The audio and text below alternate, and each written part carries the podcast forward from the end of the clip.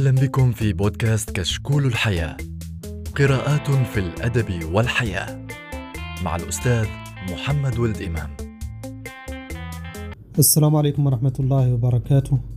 أحبائي متابعي إمام كاست الرائعين بعد غياب طويل أملته طبعا الأزمة الصحية العالمية آه، لما تأخذ من الوقت والجهد وأثرها النفسي آه، والجسدي علينا جميعا. وما يتطلب أيضا ذلك من تباعد اجتماعي لا يسمح بإجراء المقابلات الشخصية. بعد كل ذلك أرجو أن أعود بسلسلة جديدة بمجالات الأدب الإعلام والترجمة وما تجودون به من اقتراحات. بانتظار أن يفتح مجال المقابلات الشخصية. أنتهز الفرصة أولا لشكر الجميع على وصول البودكاست إلى أكثر من 3500 متابع. فشكرا لكم 3500 مرة وأكثر.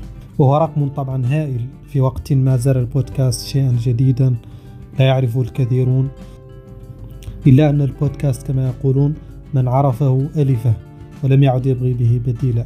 كما أتمنى من الجميع خصوصا أصدقائي الرائعين على أبل آيتونز أن يتفضلوا بالإعجاب likes والتقييم ratings آه، الإيجابي للبرنامج. وترشيح البرنامج البودكاست للأصدقاء والمعارف المهتمين بهذه المواضيع.